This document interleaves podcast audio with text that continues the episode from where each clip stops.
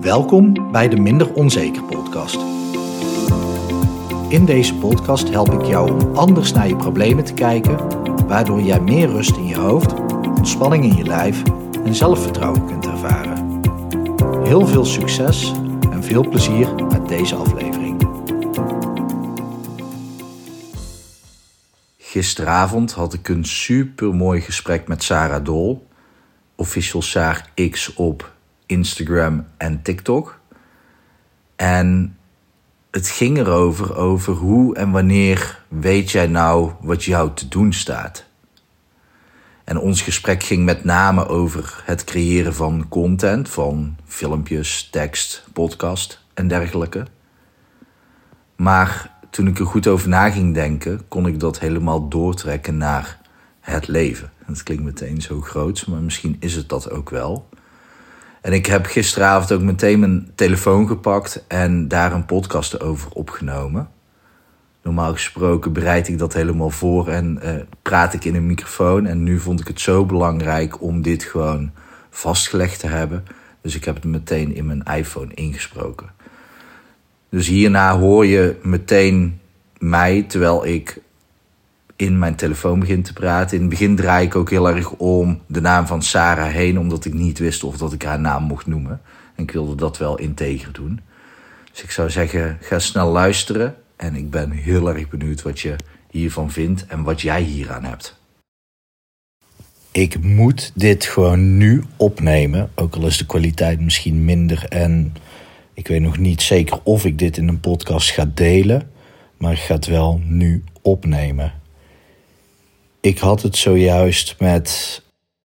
Het is zo fris, ik ga niet uh, de naam noemen. Met iemand, uh, met een content creator um, over de sweet spot. Wanneer voel je aan alles in je lichaam van: oké, als ik hier iets mee doe, dan kan het wel eens goed uitpakken voor mij.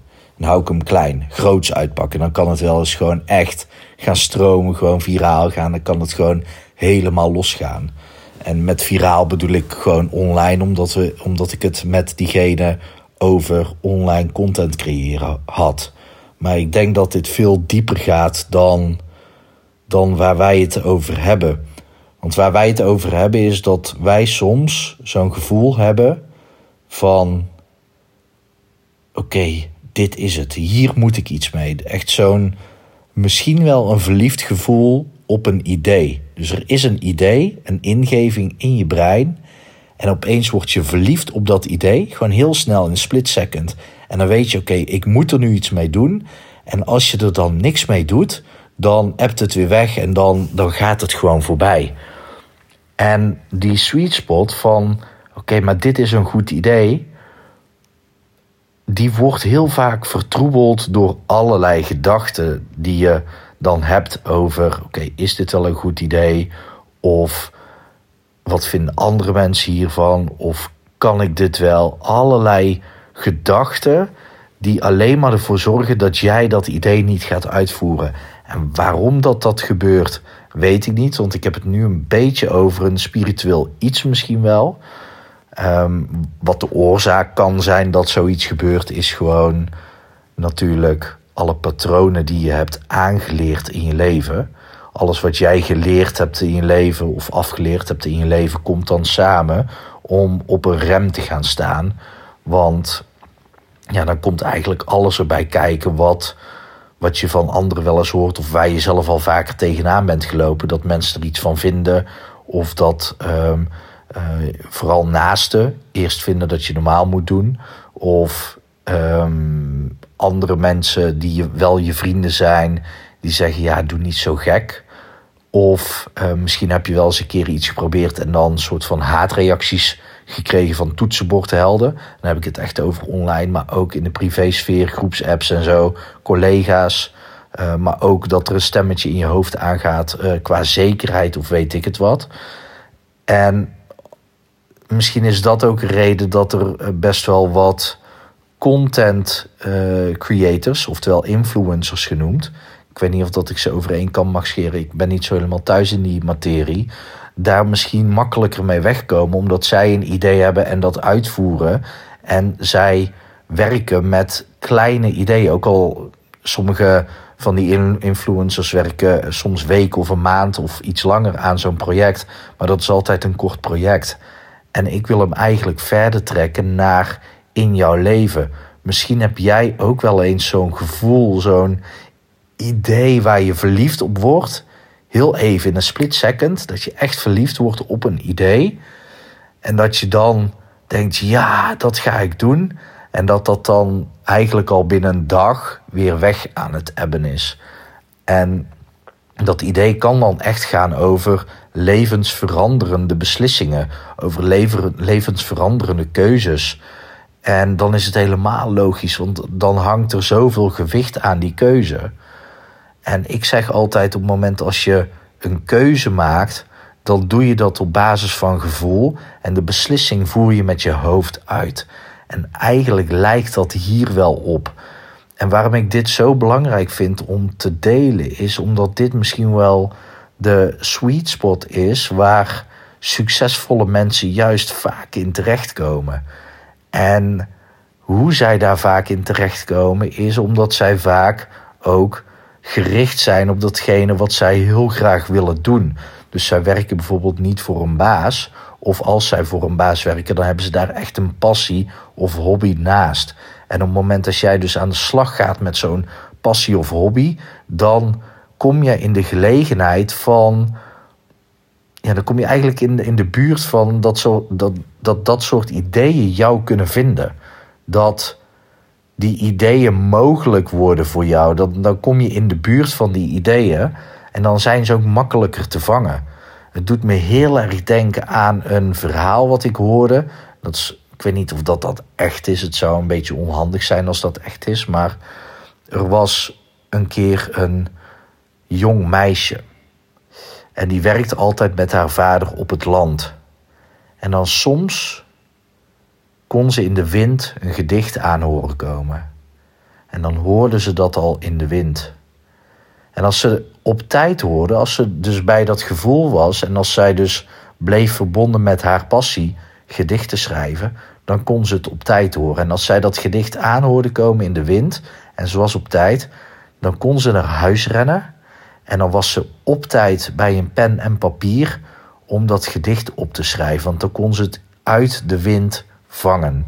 En dat gedicht ving zij en schreef zij op op het moment dat zij te veel werd bezig gehouden, als zij haar hoofd eigenlijk aan het vertroebelen was, als zij haar focus van zichzelf vandaan haalde richting het werk op het land bijvoorbeeld, of dat ze met haar gedachten bij andere dingen was die er eigenlijk niet toe deden, dat haar brein dus overspoeld werd door andere dingen, dan gebeurde het wel eens dat ze het wel aanhoorden komen. En dan wist ze eigenlijk al, oeh, ik ben waarschijnlijk al te laat. En dan rende ze toch richting huis. En op de helft van dat ze van haar plek richting haar huis rende, kwam ze erachter, oh, het is alweer voorbij. En dan was het gedicht weg. Dan kon ze het niet meer vangen. En soms gebeurde het dat ze dan net thuis kwam en dat ze nog net het gedicht bij de staart kon trekken. En dan toch nog net kon pakken en kon vangen om dat gedicht te noteren. En soms was ze gewoon te laat en dan was haar gedachte ook: oké, dan is dat gedicht niet voor mij, dan is dat voor iemand anders. Maar wat nou als jij altijd gewoon dat gedicht kan vangen? Wat als jij altijd die mogelijkheid hebt om op tijd naar huis te rennen, die pen te pakken en dat gedicht te noteren?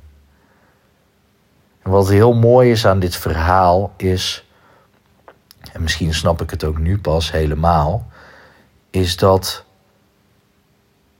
kijk, het op tijd zijn voor pen en papier betekent dat jij op tijd bent met actie ondernemen. Op het moment dat jij vandaag een idee hebt en je denkt, ja, dat is echt een supergoed idee, en je doet er niks mee en je wacht een week, een maand of een jaar, dan is dat gedicht al vervlogen en als je er dan mee begint, ben je gewoon al te laat.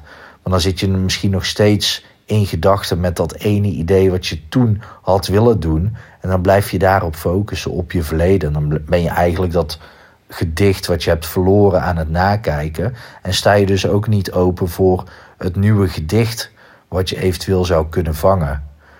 En ik denk dat het hier om draait in het leven. Tenminste, er zijn veel meer aspecten in het leven waar het om draait.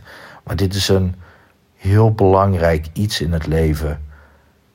Kan jij de ideeën, de gedichten vangen? Sta jij open voor het vangen van die gedichten? Of ben je zo bezet in je hoofd dat je je bezighoudt met eigenlijk onbelangrijke zaken? En die zijn misschien wel belangrijk in je leven, maar zijn ze echt belangrijk voor jouw geluk, misschien wel jouw zielsgeluk? Zijn ze echt belangrijk voor waarvoor jij hier op aarde bent? En dit idee, dit, dit was dus zo'n gedicht wat, wat bijna aan mij voorbij was gevlogen. Totdat ik besloot nu mijn telefoon te pakken en op record te klikken. Gewoon omdat ik dit idee moest. Ik moest het gewoon vangen. En dit is nu hier en ik kan het nu delen. Dus ik ben enorm dankbaar voor degene met wie ik dit gesprek zojuist heb gevoerd. En ik weet niet of dat ik die naam mag noemen, maar dat ga ik nog even aan haar vragen. En zo ja, dan zal ik dat zeker in de show notes erbij zetten, zodat jullie haar ook allemaal kunnen volgen. Ehm, ik heb ook niks persoonlijks over haar benoemd, dus daar ben ik blij om. Maar het is zo belangrijk dus om op tijd jouw eigen gedicht te vangen.